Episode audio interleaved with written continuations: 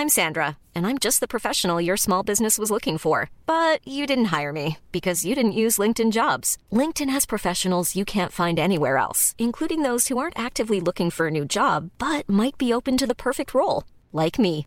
In a given month, over 70% of LinkedIn users don't visit other leading job sites. So if you're not looking on LinkedIn, you'll miss out on great candidates like Sandra. Start hiring professionals like a professional. Post your free job on linkedin.com/people today.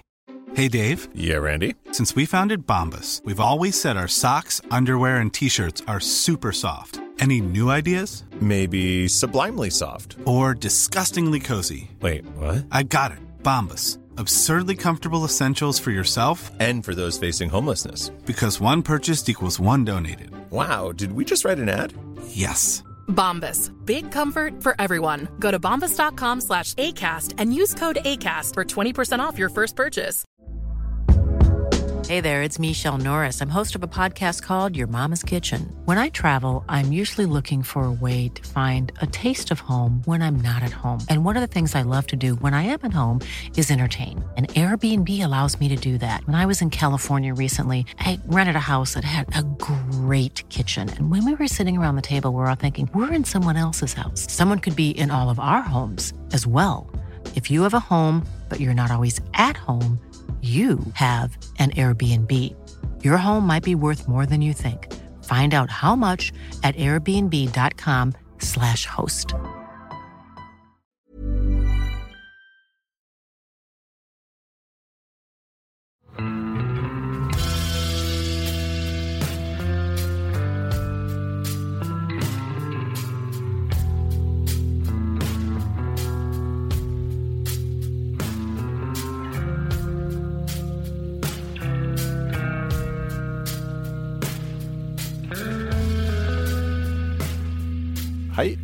Velkommen til podkasten Uteliv.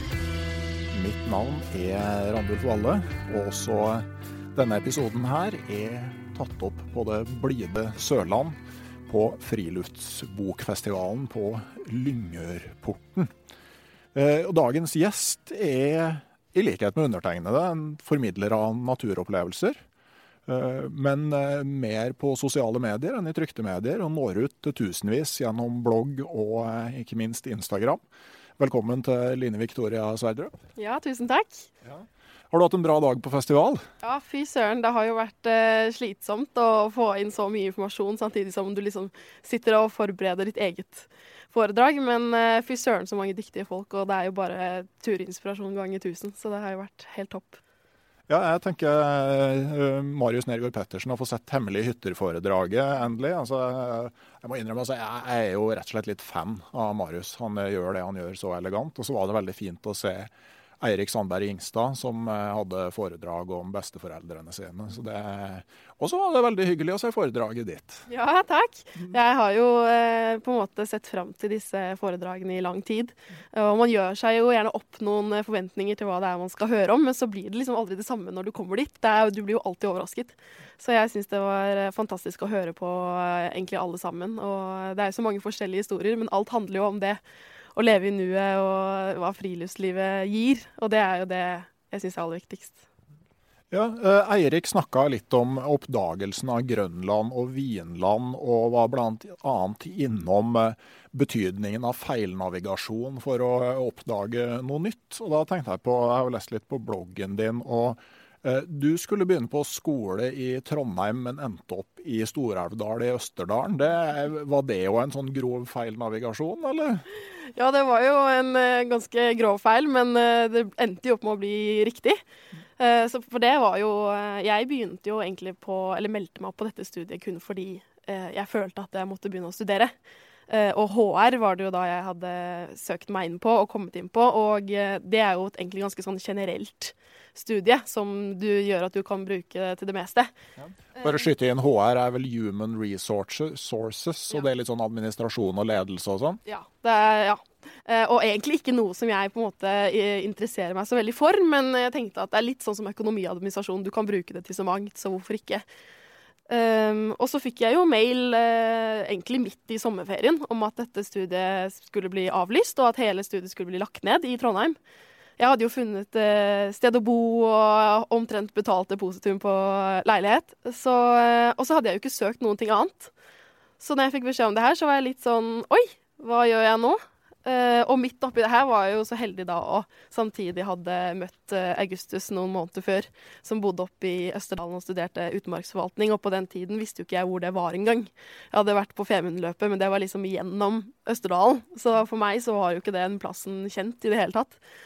Men uh, Så jeg endte jo opp med å flytte opp dit ganske raskt etter at vi ble kjærester. Og etter det så var det jo bare friluftsliv som var i fokus. Eh, på bloggen din så beskriver du det som sånn ikke helt uproblematisk å flytte dit på en måte uten å egentlig ha noe å skulle gjøre, sånn umiddelbart. Ja, det, ja, det var veldig tøft i begynnelsen. Eh, når jeg kom opp dit, så kjente jeg jo ingen andre enn Augustus. Og han studerte jo en bachelor i utmarksforvaltning, som eh, krever mye tid. Så han hadde jo sine studievenner og eh, ja, sine ting. Mens jeg kom jo opp dit med hundene, da. og og lurte litt på sånn, hva jeg skulle drive med. Og jeg hadde jo en, en, slags depresjon der oppe etter hvert, hvor jeg eh, lå egentlig helt til Augustus kom hjem i senga.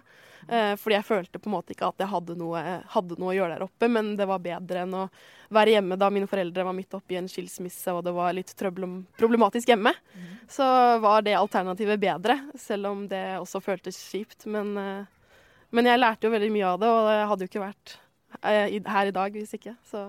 Nei, for eh, hva, hva, begynte du med, da? Nei, jeg fant jo ut Altså, for meg så har jo friluftsliv vært noe jeg har brent for uh, hele livet, men det har jo gått i perioder, akkurat som mye annet i, i andre interesser du har, gjør. Uh, så jeg hadde jo en tid i ungdomsskolen hvor jeg på en måte hadde litt glemt det, det friluftslivet som jeg hadde drevet med når jeg var yngre og slikt. Men som kom tilbake igjen når jeg kom opp dit, da, og og så all den villmarka og hvor eh, fantastiske turmuligheter det var der. For jeg var jo på tur allerede fra første stund. Um, men uh, jeg fant jo ut at jeg måtte ha noe å drive med. Og det var jo uh, et prosjekt da, som jeg valgte å starte. Ja, Og det prosjektet, hva gikk det ut på? Det var vel Jeg hadde lest en artikkel et eller annet sted om en person som eh, hadde vært på tur i 100 døgn, og så syntes jeg det hørtes veldig kult ut. Men så ville jeg på en måte gjøre en liten miks av det, da. Hvor eh, det skulle gå ut på at alle turene skulle være inne i nasjonalparker. Så jeg hadde jo planlagt at jeg skulle være på tur i tolv nasjonalparker, altså én for hver måned. Eh, og dette var noe jeg egentlig bare kom på fordi jeg følte at jeg måtte ha noe å strekke meg til da, for å ha motivasjon når jeg bodde der oppe. Ja. Uh, når var det du starta Instagram-kontoen din? Var det sånn i samband med det her? Nei, Instagram-kontoen har jeg vel egentlig hatt i uh, hvert fall siden kanskje 2008 eller noe sånt. Nå, da Instagram egentlig begynte. Men jeg var jo ikke aktiv så mye på den Instagrammen, og det jeg delte, var jo en periode mye sånn selfies og 'hei, jeg er fin', bilder, liksom. Men så, men så, var det jo det at Augustus han har alltid vært veldig inspirert av Lars Monsen. Mm. Uh, og han uh, brukte mye tid på å ta bilder og film på tur, og det var veldig uvant for meg. Så når vi kom hjem da, og jeg så disse bildene han hadde tatt, så tenkte jeg bare shit, så utrolig kule bilder det blir. Eh, og begynte å dele disse på sosiale medier. Eh, og det var vel da folk begynte å få øynene opp for de turbildene som jeg delte, da, og de turene jeg var på, fordi det var av god kvalitet. Og jeg syntes det var morsomt å dele når det var såpass høy kvalitet. Altså når vi var i Alaska med folkehøgskolen som jeg gikk på. Før jeg flyttet opp til Østerdalen, så, så tok jeg jo bilder da òg, men det var jo mobilkvalitet, og det var liksom ikke det samme, da. Eh, ja, så det var da det skjedde, liksom. Mm. Men hvordan gikk det med nasjonalparkene. Det som var, var at i begynnelsen av dette prosjektet så hadde jeg jo ikke så mange midler eh, av utstyr annet enn eh, de grunnleggende. Noe av det fikk jeg jo kjøpt på Finn eh, i ganske grei kvalitet. Og jeg eh, følte at jeg måtte gjøre det offentlig for å kunne skaffe midler da, til å ha råd til å drive med denne. For jeg hadde jo ikke noe jobb på siden eller noen ting. Så, eh, så jeg fortalte jo til aviser som begynte liksom å bli litt nysgjerrig på dette her, da. Uh, at uh, hva prosjektet skulle gå ut på. Og uh, da satte jeg jo allerede listen ganske høyt for meg selv. og det har jeg jo lært i ettertid at det ikke er så lurt. for jeg merket jo underveis på turene at den turgleden jeg hadde hatt før, den forsvant litt. Jeg følte på en måte at jeg måtte dele alt jeg gjorde, og det stilte store krav til meg som jeg på en måte ikke hadde tenkt over kom til å komme med, med en gang det ble offentlig. da. Eh, så motivasjonen forsvant litt, og jeg følte vel underveis at jeg var mer på tur for andre enn jeg var på tur for meg selv. Eh, og da ble det mer et mas om, eh, om å være på tur enn enn det, det ønsket og iveren etter å komme ut. da. Ja, for Det er jo en sånn tvega sverd det med å legge opp sånne prosjekter. At På ett vis er det jo en drivkraft som gjør at du får gjort ting også når det er tungt å komme seg i gang. Men så kan det også eh, bli en eh, tvangstrøye og en hemsko som, eh, som liksom ødelegger. Da. Så var det det, altså ble det liksom primært en negativ greie etter hvert? Ja, altså det som var uh, litt vanskelig, var jo at jeg hadde jo ikke tenkt så mye over dette prosjektet før jeg satte i gang. Um, jeg hadde mine ideer, og hadde, jeg hadde kartlagt nasjonalparkene jeg skulle innom, men, men, mye av det praktiske var liksom ikke tenkt så godt over. Så det som skjedde, var jo da at uh, når jeg hadde tatt disse nasjonalparkene som var i mitt område, som var Rondane, Femundsmarka og generelt nasjonalparker på Østlandet, så måtte jeg jo lenger nord. Uh, og på den tiden så hadde jo ikke jeg min egen bil, uh, og jeg måtte jo ha med både pulk og hund. Og så hadde jeg jo hørt at du, hvis du skal ta, ha tatt toget, så kan du enten få ta med pulk eller hund. Du kan ikke komme én person og ha med begge deler. Um, og da tenkte jeg OK, ja. Uh, og, og, tog langt opp med en grønlandshund som ikke er vant til å ta tog, det har jeg erfart én gang, og da bæsjet han på perrongen, så det var ikke så populært. og etter det så har jeg vært litt sånn åh, kviet meg. Så alt det praktiske med å komme seg eh, til områder som jeg på en måte ikke hadde tenkt over at det kreves for å komme dit, eh, gjorde at eh, jeg ble mer ivrig på å gå turer i nærmarka, men som da ikke kunne gå innenfor prosjektet, som var da nasjonalparker. Så da var jeg litt sånn i krangel med meg selv om eh, skal jeg bare drite i konseptet nasjonalparker og bare være 100 dager på tur eh, hvor jeg vil, eh, eller skal jeg avslutte prosjektet og heller bare være på tur hvor jeg vil, og ikke lage det til en greie. Så jeg valgte jo sistnevnte, da. Men uh, altså, du har jo uh, ja, titusenvis av følgere på Instagram, og, det er ganske mange, spesielt jenter, som er på tur og har det. Men jeg, jeg satt og tenkte på, når var det det plutselig blei kult for jenter å være på tur?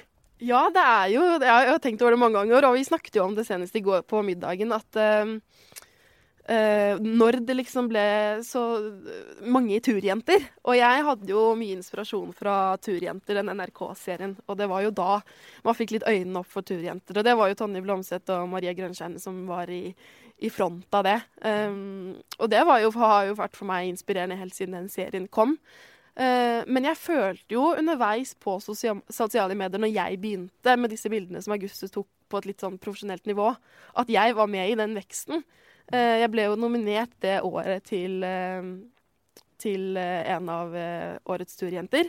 Um, og det var vel de turjentene som også ble nominert sammen med meg, som også er liksom blitt de, de store profilene i dag, som Bodil Dahl og Johanne Refseth med psykolog med sovepose. Så um, jeg tror det, det var nok litt rundt den tiden, og jeg tror det var Eventyrjenter, den serien, som liksom satte det litt i fokus, da. Ja, for da du leste blogger og sosiale medier da du gikk på ja, kanskje ungdomsskole og videregående, så var det ikke tur du drev og leste? Nei, da var jo en som heter Voe.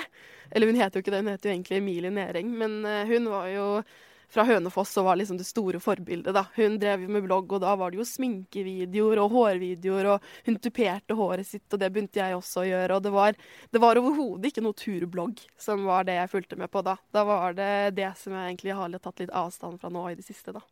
Ja, for der også kommer det jo en del sånn med plastiske operasjoner og, og, og sånne ting. Men jeg ser på bloggen du skrev liksom at eh, altså det var ikke det du var interessert i, men det at de delte ting som du følte var personlig, ikke sant?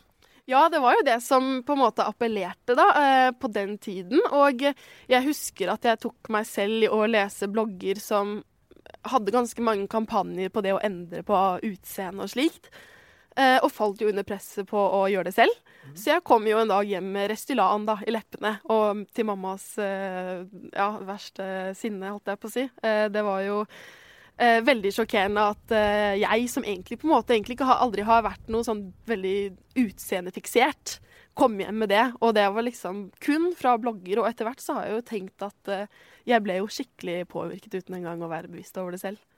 det er jo en sånn periode, jeg husker jo sånn ungdomsskolen, videregående. altså du, du, øh du jobber veldig for å finne ut hvem du er, og du er livredd for å havne på utsida. Jeg husker en sånn dag da plutselig liksom russebilkonstellasjonene begynte å danne seg i klassa. Og liksom plutselig så er ting satt, og du er liksom i ferd med å havne på, på utsida. Og, eh, og liksom sånne ting føles så utrolig dramatisk, sjøl om, eh, om det i ettertid er veldig sånn trivielt. Ja, og det var jo også noe som eh, påvirket meg. Så vi har jo opplevd det samme der. Jeg var jo, I begynnelsen var jo jeg også på russebuss, og det var jo det kuleste. Eh, men så etter hvert så merket jeg at det var liksom ikke der jeg hadde lyst til å putte pengene mine. Det krevde mye tid, og det krevde mye penger. Og jeg var på en måte ikke like dedikert som mange av de andre venninnene mine. Og i Bærum så er jo russefeiringen det er jo nyttårsaften og bursdag og julaften. Det er jo alt på en gang. Og folk satser jo uh, livet sitt inn i den russetiden. Uh, men jeg merket jo at det på en måte ikke appellerte til meg. Jeg har aldri vært noe sånn spesielt glad i festing. Uh, spesielt ikke mye alkohol og hei og hå. Så jeg valgte jo å trekke meg fra den bussen, men fortsatt få være med innimellom. Men det tror jeg jo var en av de valgene jeg tok på den tiden som, som gjorde at jeg distanserte meg mer og mer fra det miljøet, da kan skyte inn at den russebilen jeg snakker om, som jeg endte opp på, det var en, eh, sånn Toyota Light Days. Det er en sånn miniversjon av Toyota Hiace.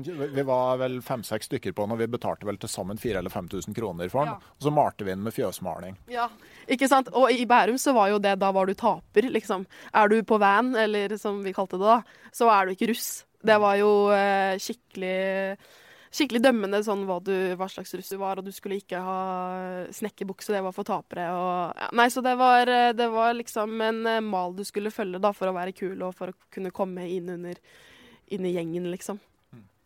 Det er fascinerende. Og så leste jeg om da du fikk din første jobb. Ja. Ja. ja, det var jo Jeg er jo innmari stolt over at jeg klarte å få den jobben i dag. Jeg var jo 16 år og helt uerfaren. Eh, og fikk jo en jobb hvor jeg jobbet i tre år, så jeg trivdes jo åpenbart godt. Eh, og eh, den første lønningen jeg fikk da, var jo Jeg har jo aldri hatt så mye penger på kontoen i hele mitt liv. Det var jo en lønning på 10 000 kroner. Og da hadde jeg jo allerede bestemt meg at den skulle gå til en Louis Vuitton-veske. En sånn svær Louis Vuitton-veske. Og da dro jeg jo alene inn med T-banen til Stortinget. Uh, og kjøpte denne vesken da med initialene mine i, i gull og i, liksom innrammet i vesken. Og det var det store. Og når jeg kom på skolen dagen etter da, så var liksom Alle skulle se den vesken. Mm. Mm. Altså, først så tenker jeg liksom uh, Himler jeg litt med øynene når jeg leser. Men, og så tenker jeg liksom Det er jo egentlig akkurat det samme som når en ørretfisker kjøper ei fluesnelle til 9 10 000 kroner. Eller en rypejeger kjøper ei hagle til over 100 000. Altså, det er ingenting med praktisk nytteverdi å gjøre. Det er jo utelukkende et symbol. Ja, det er jo det. Og det er jo på en måte det som har blitt litt sånn Bærumsstilen som var på den tiden òg. Og det er jo Man har jo forskjellige lidenskaper og interesser, og jeg er jo glad for at den avtok da, etter hvert. Men det var jo på en måte et tegn på at du var du var suksessfull da, inne i Bærumsgjengen. Og eh, et symbol på at du hadde penger og, og uh, turte å bruke det på det som var verdt det, da, som var da Louis Vuitton-veske. ja. Men, men, men, som sagt, altså, det, det, man kan tenke seg om litt. Altså, sånn, som turperson, før du fordømmer folk som kjøper designervesker, liksom, tenk på de, en del av de investeringene du har gjort. måte, Hvor mye reell Eh, liksom ekstra turglede du fikk for det, og i hvor stor grad det var liksom et eksempel på hvor mye det her betyr for deg. Da. Du signaliserer at, eh, at uh, jakt er viktig for meg, derfor så har jeg sjukt dyr rifle. Mens uh, du skal jo være veldig god til å skyte før du liksom har noe utbytte av noe som er bedre enn en Tikka T3 med syntetisk stokk.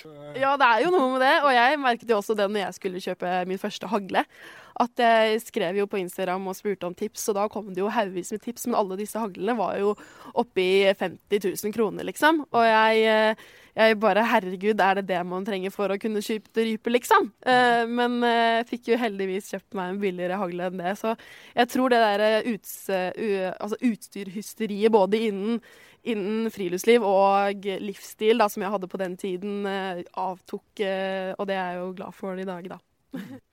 Men du beskriver jo en litt sånn der eh, sånn identitetssøken. Altså at du har liksom på en måte to konflikterende personligheter i ungdomstida.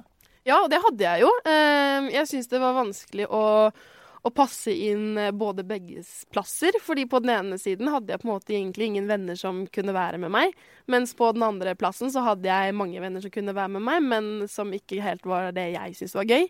Eh, så jeg var jo mye med Altså jeg lot jo den interessen av det å være på tur uh, fade litt for livs, den livsstilen jeg heller ville ha, da, med å være med venninner og, og, ha venner rundt meg, men som egentlig ikke appellerte helt til, til meg. Uh, så jeg, uh, jeg, følte jo på det veldig lenge, at hvem er jeg hva, er jeg, hva er det som gir meg glede? Og jeg merket jo at det var jo ikke festing og, og gutter, liksom. Nei. men jeg tenker, det er jo sånn på sosiale medier så er det veldig mye jenter jenter som har kontoene med masse følgere også når det gjelder friluftsliv. Så jeg kikka litt og tenkt litt.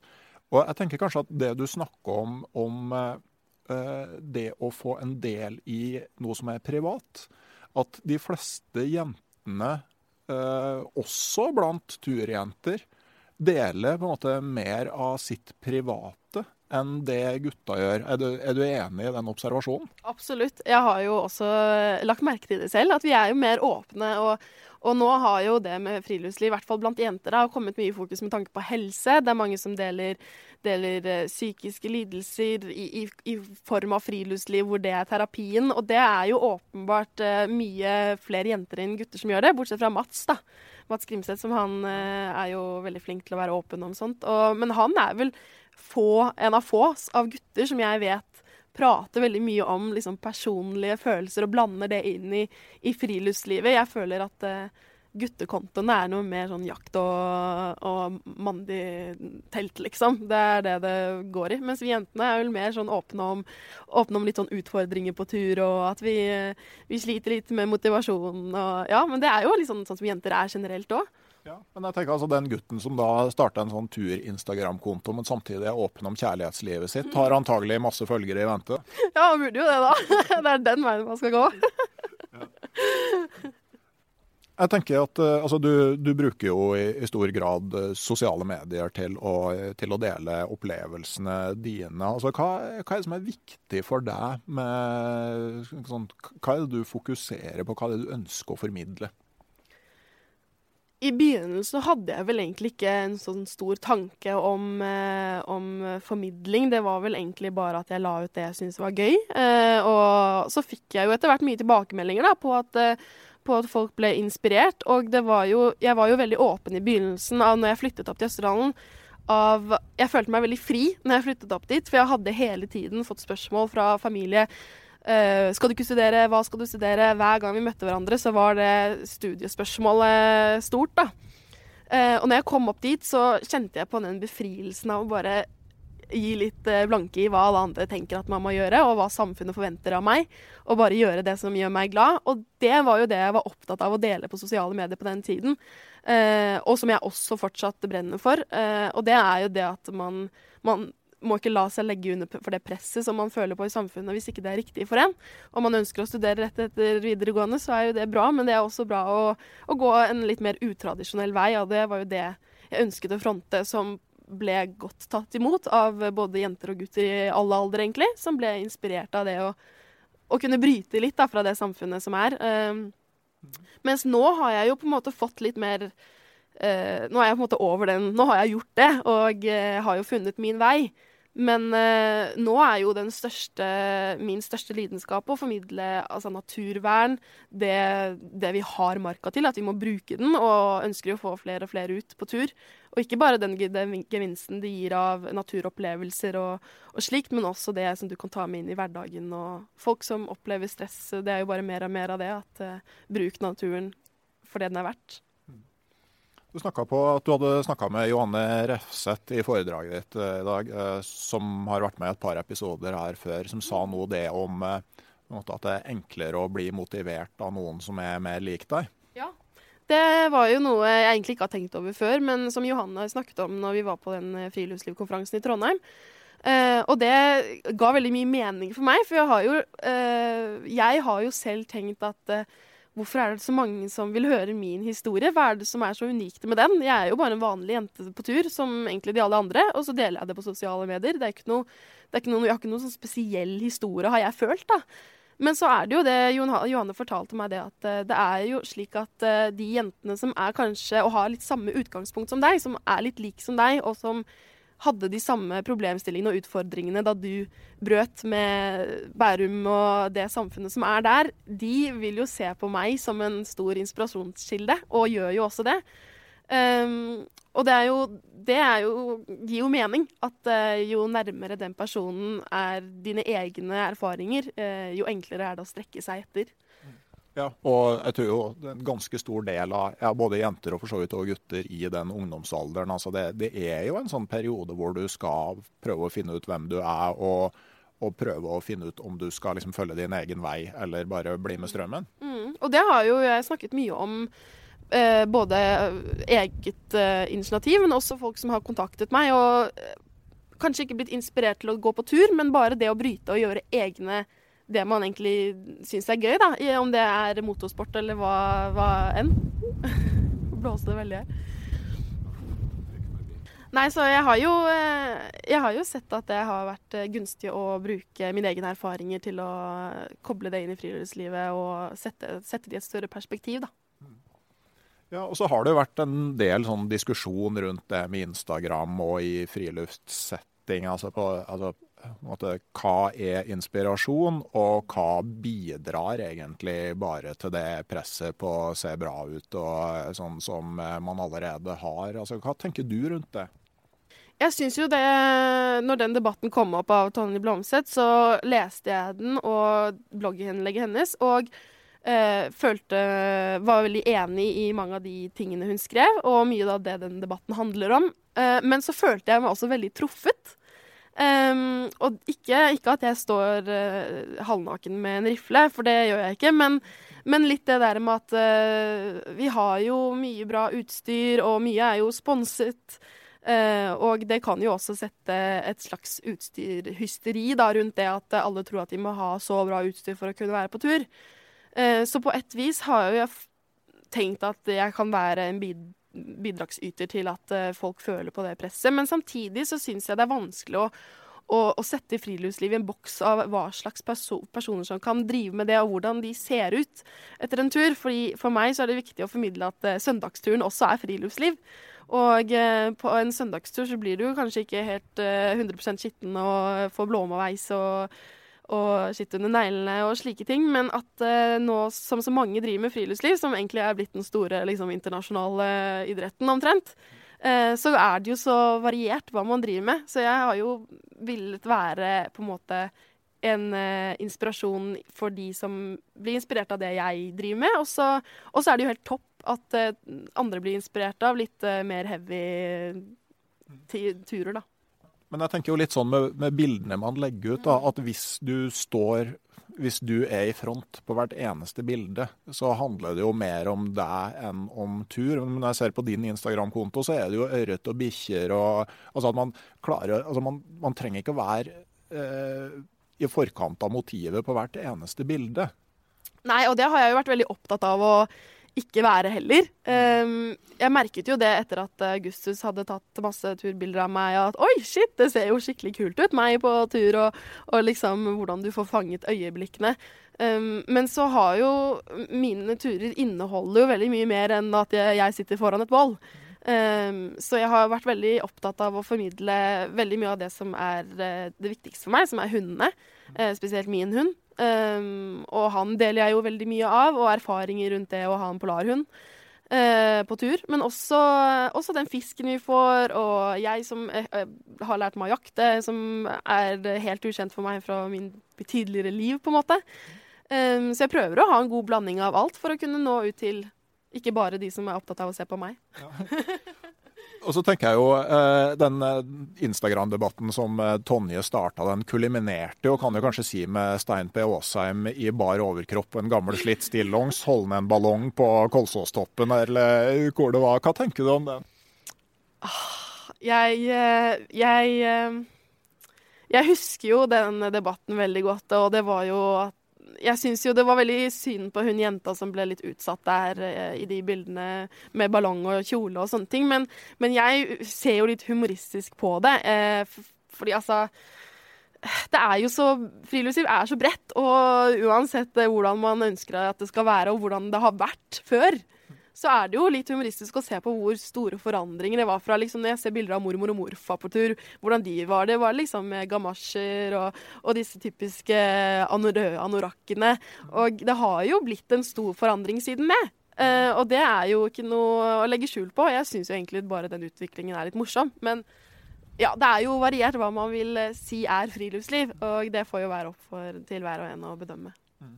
Men jeg tenker jo kanskje at uh, med, om Hvorvidt det var helt bevisst fra Stein, vet jeg ikke. Men jeg syns jo på, på, et vis at den ballongtesten som man eh, der lager, er litt sånn god. For at mm. bildet blir seende helt corny ut når du putter inn en annen person med et annet kjønn og en annen alder enn det som var der i utgangspunktet. Og jeg tenker et turbilde hvor du bare kan bytte ut personen med en helt person av annet kjønn, annen alder, annen påkledning, og så ser det fortsatt bra ut. Det er noe mer ekte og, og allment med det enn et sånt bilde som plutselig ser helt ko-ko ut for at det er en mann i 60-åra som er der, og, og ikke ei veltrent dame på noen og 30. Ja, jeg er jo enig i det. jeg syns jo, jo det Altså, bildet til Stein var Jeg synes jo det var helt fantastisk. Jeg må jo si det at jeg lo. Um, og det er jo jeg syns jo på en måte at den debatten er eh, verdt å ta. Eh, jeg syns den er viktig, og jeg syns eh, Altså problemstillingen satt i den settingen, da. Altså det bildet kontra det med flott kjole og, og nydelig langt hår og den, den, viser jo litt det der før og nå. Hvordan friluftsliv blir formidlet, og hvor, hvor mye altså det bildet illustrasjonsmessig har å si for hva vi tenker da. Jeg tenker Vi så jo foredrag med Stein i går. Eh, og eh, jeg tenker Da han sykla gjennom Sahara, hadde ganske sånn fin sixpack på magen da han var i bar overkropp på sykkelen. Han burde kanskje legge ut det på Instagram? Ja, hvis han vil ha likes, så må han det. kanskje han får litt flere følgere òg. Men, eh, men, eh, som du òg nevnte i foredraget i dag, så er det liksom ikke bare positive tilbakemeldinger du får når du eh, som jente formidler turopplevelser på, på sosiale medier. Kan du si litt om det? Ja, det har jo vært har, Det har jo vært gått en lang tid hvor jeg egentlig følte at de fleste har vært mye positive. Men, men så har jo eh, kontoen min vokst eh, ganske fort, og med det så kommer det jo mye annet enn bare folk som er interessert i friluftsliv. Jeg har jo eh, jeg har jo 70% følgere. Altså 70% av mine følgere er jo menn. Mm.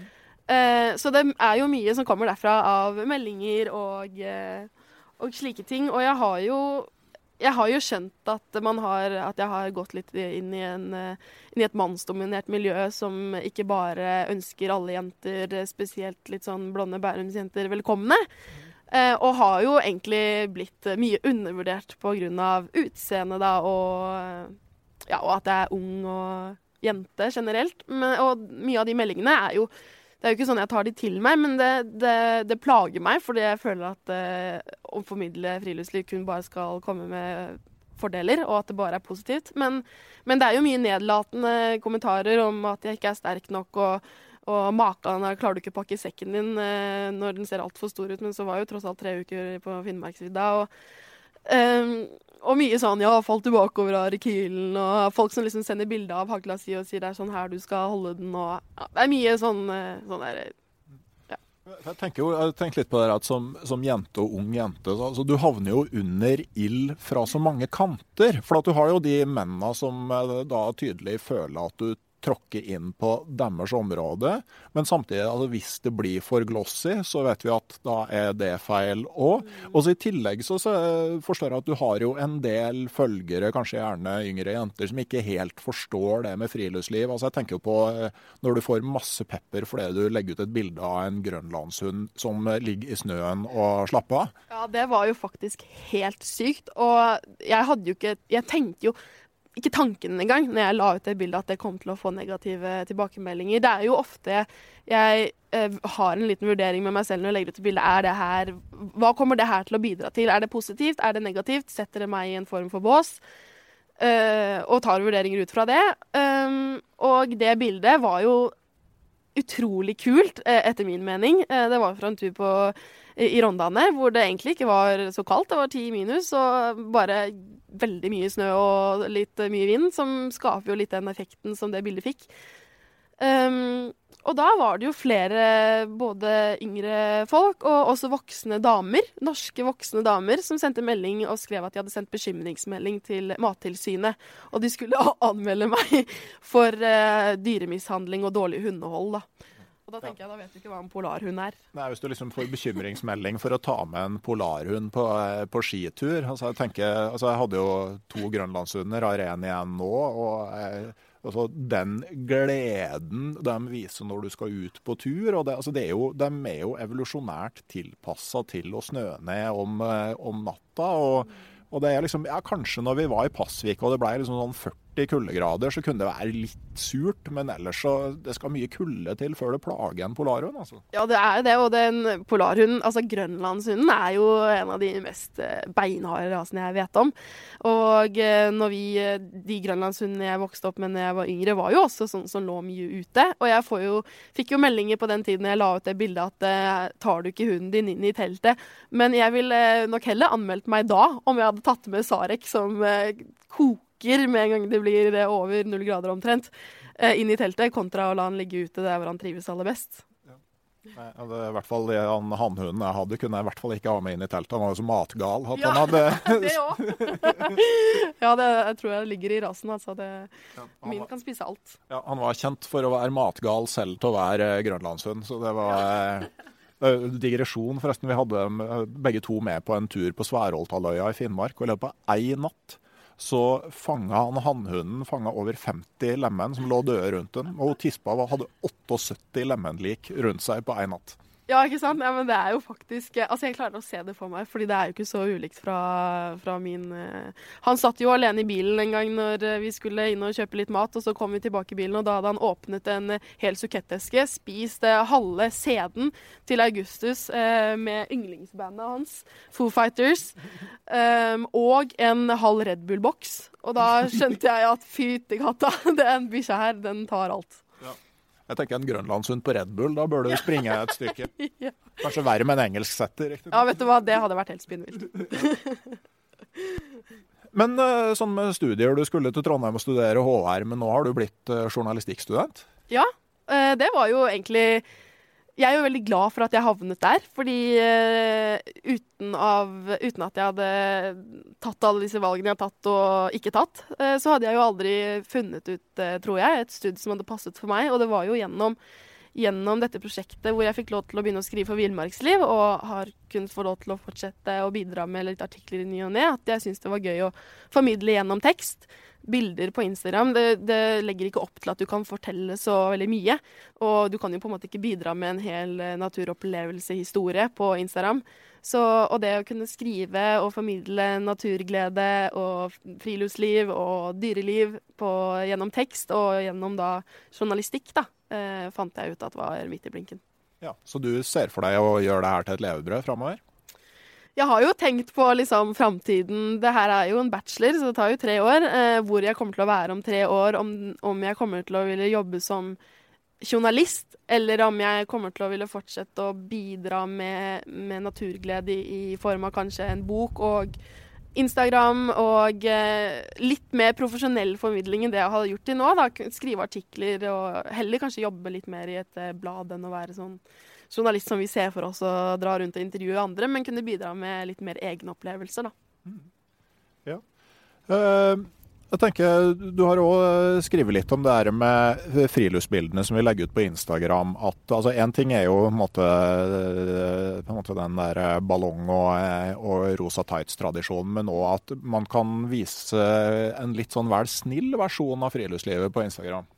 Ja, det fikk jeg jo mye tilbakemeldinger på også. At, uh, at uh, mange følte at det var veldig mye sol, sol og bare fryd og gammen-bilder som jeg delte. Um, og så var det jo Det har jo litt med at jeg uh, syns det er uh, vanskelig å vise meg selv i sårbare situasjoner. Og de fleste filmene som jeg har i dag fra sårbare situasjoner, har jo jeg vært pissmøkk for at noen har dratt opp et kamera i trynet mitt. Mens nå er jo det noen av de morsomste og beste klippene. Og det var jo en gang jeg delte uh, en film fra Femundsmarka hvor jeg var sliten og vi fikk ikke fisk på syv dager. og bare regn hele turen midt på sommeren, og egentlig alt uh, gikk mot meg. Og så delte jeg til slutt denne videoen kanskje et år etter denne turen, hvor jeg hadde delt masse andre videoer som egentlig var fine fra den turen. Uh, og fikk enormt med respons fra folk som syntes det var så kult å endelig kunne se at, uh, at man sleit litt på tur òg. At man ikke er alene om det. og Uh, og, og, kunne se litt den mer sårbare siden av meg. Fordi jeg har fått tilbakemelding fra flere som som tror at jeg er veldig litt sånn stille og, og, litt tilbakeholden og egentlig bare litt sånn søt på bilder og, og ikke helt har kommet litt inn under uh, huden på meg, da. Uh, mens med disse filmene så ble de litt kjent med den, den ekte Line, da. Og det var jo tydeligvis veldig positivt. Vi kan jo nevne da Hilde, som jeg er gift med nå. og eh, Da vi gikk New Zealand på langs, så er det på New Zealand så er det en del skogsområder som er så tettvokste at den eneste plassen du kan gå, er i elva.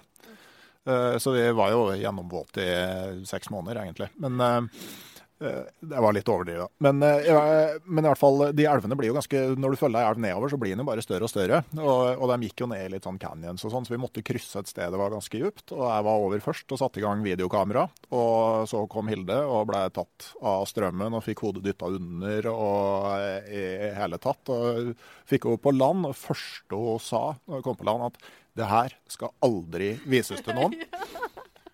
Og når det her ble et TV-program på TV 2, så kan jeg tenke jeg var det første klippet produksjonsselskapet plukka ut og fant ut at det skal, her skal i hvert fall med. Det her må promoteres med det. Ja, men det er jo faktisk det som vi folk vil se. Ja. Eh, selv om det er fint med, med sol og, og, disse solnedgangsbildene og disse bildene med telt med sånne lyslenker og dilldall. Eh, er jo veldig fint og fint å se på, men det er jo ikke det som friluftslivet inneholder aller mest. Av de turene vi er på, så er det jo også mye, mye sånn som nå i Finnmarksmiddag, med all den myggen, eh, hvor jeg egentlig var drittlei og var så sur på Augustus som tok eh, fram kamera og sa ja, vær så god film, men jeg gidder ikke å si en dritt, og du kommer ikke til å kunne lage noe film av det her. Og det var det vi visste i dag. Ja! så det, ble, det, ble jo, det, blir jo bra resultater av det. Så det ja. Men du, du har et forslag. Ja. Jeg har sjekka på Instagram. Og hashtaggen 'ekte friluftsliv' den har under 100 postinger. Når den episoden her kommer ut, er du med på at vi tar ei uke og så legger ut et bilde hver dag med hashtag 'ekte friluftsliv'? Og så ser vi om vi får med oss noen flere på å poste de bildene som eh, viser sånn det egentlig er? Det var et uh, supert konsept, og det er jeg lett med på. Ja, det, det, er kjempebra. Uh, vi nærmer oss vel en slutt her, men jeg tenker tilfeldigheter, ja. Eh, hvordan tror du livet ditt hadde vært i dag dersom studiet i Trondheim ikke hadde blitt nedlagt? Vet du hva, det har jeg tenkt på ganske mange ganger. Og eh, da jeg eh, møtte Augustus, og vi flyttet eh, ganske Eller jeg flyttet ganske fort opp til Østerdalen, på den tiden så var jeg eh, Hadde jeg faktisk fortsatt Restylane i leppene. Uh, og jeg jobbet på David Andersen gullsmed på Sandvika storsenter og gikk med dressbukse mesteparten av tiden. Og uh, sånn fuksepelsfestjakke uh, utenpå der. Eh, og jeg tror kanskje at det er noe à la det jeg hadde drevet med nå i dag òg. altså studert HR og vært liksom den den uh, Line som jeg var før. Og så hadde jeg vært på hytta på Hedalen og Nytt friluftsliv når jeg var der, men uh, ikke drevet på, med friluftsliv på heltid, sånn som jeg fikk gjøre nå, eller som jeg har gjort da de siste to årene. Hadde du vært fornøyd, tror du? Nei. Nei. Da var det jo veldig bra at det gikk som det gjorde. Et uh, siste spørsmål til slutt. Uh, Sverdrup-navnet. Du er i slekt med Otto, ikke sant? Ja, det er jeg. Hvordan er slektskapet? Jo, vet du hva? Det, vi har jo faktisk et sånn, eh, sånn, familietre i en sånn bok hjemme. Men han er jo vel eh, Han er vel fetter til min tipp-tippoldefar, tror jeg det blir. Uh, men det er jo én slekt Det er bare én Sverdrup-slekt i Norge. Uh, så vi er jo alle beslektet på et eller annet vis. Men uh, han var jo fett datter eh, til eh, min tipp-tippoldefar eller noe sånt. Og eh, vi har jo veldig mye igjen fra han hjemme i form av skrifter og, og slikt. Eh, så det er eh, veldig gøy, og det har jo vært med å motivere meg. eh, både innen friluftsliv, men også det med å bruke hund på tur. Så jeg syns jo det er dødskult. Men uh, det, det er noe å strekke seg etter. Men, men det er ikke som det vi snakket om i stad, med å ha forbilder som er litt mer uh, kanskje i uh, nær, nær, nærhet. Det, det er nok flere som inspirerer meg mer enn han, sånn sett. da. Jeg kan bare skyte inn at På Verdalen så kaller man sånne slektskapsforhold som egentlig ikke har noe navn. Det kalles for ølmenninger. Ja! da er vi det. Øl, ølmenninga. Ja, du, er, du er ølmenning mot Ja. Ok. Tusen takk for at du ville være med her, eh, Line. Nå eh, er det bare én dag igjen av Friluftsbokfestivalen for i år. Vi får håpe at de eh, tar en ny runde neste år. Vi sitter her og ser utover en skjærgård som nå har blitt helt, helt svart. Det er virkelig høst. Vinterturene starter snart. Vi sier takk for oss her. Veldig gøy å få være med. Kjempehyggelig. Og så kommer det en ny episode av podkasten Uteliv om ei uke. Og da håper jeg at det er masse Instagram-bilder ute med hashtaggen ekte friluftsliv. Det håper jeg òg. Ha det bra! Ha det bra.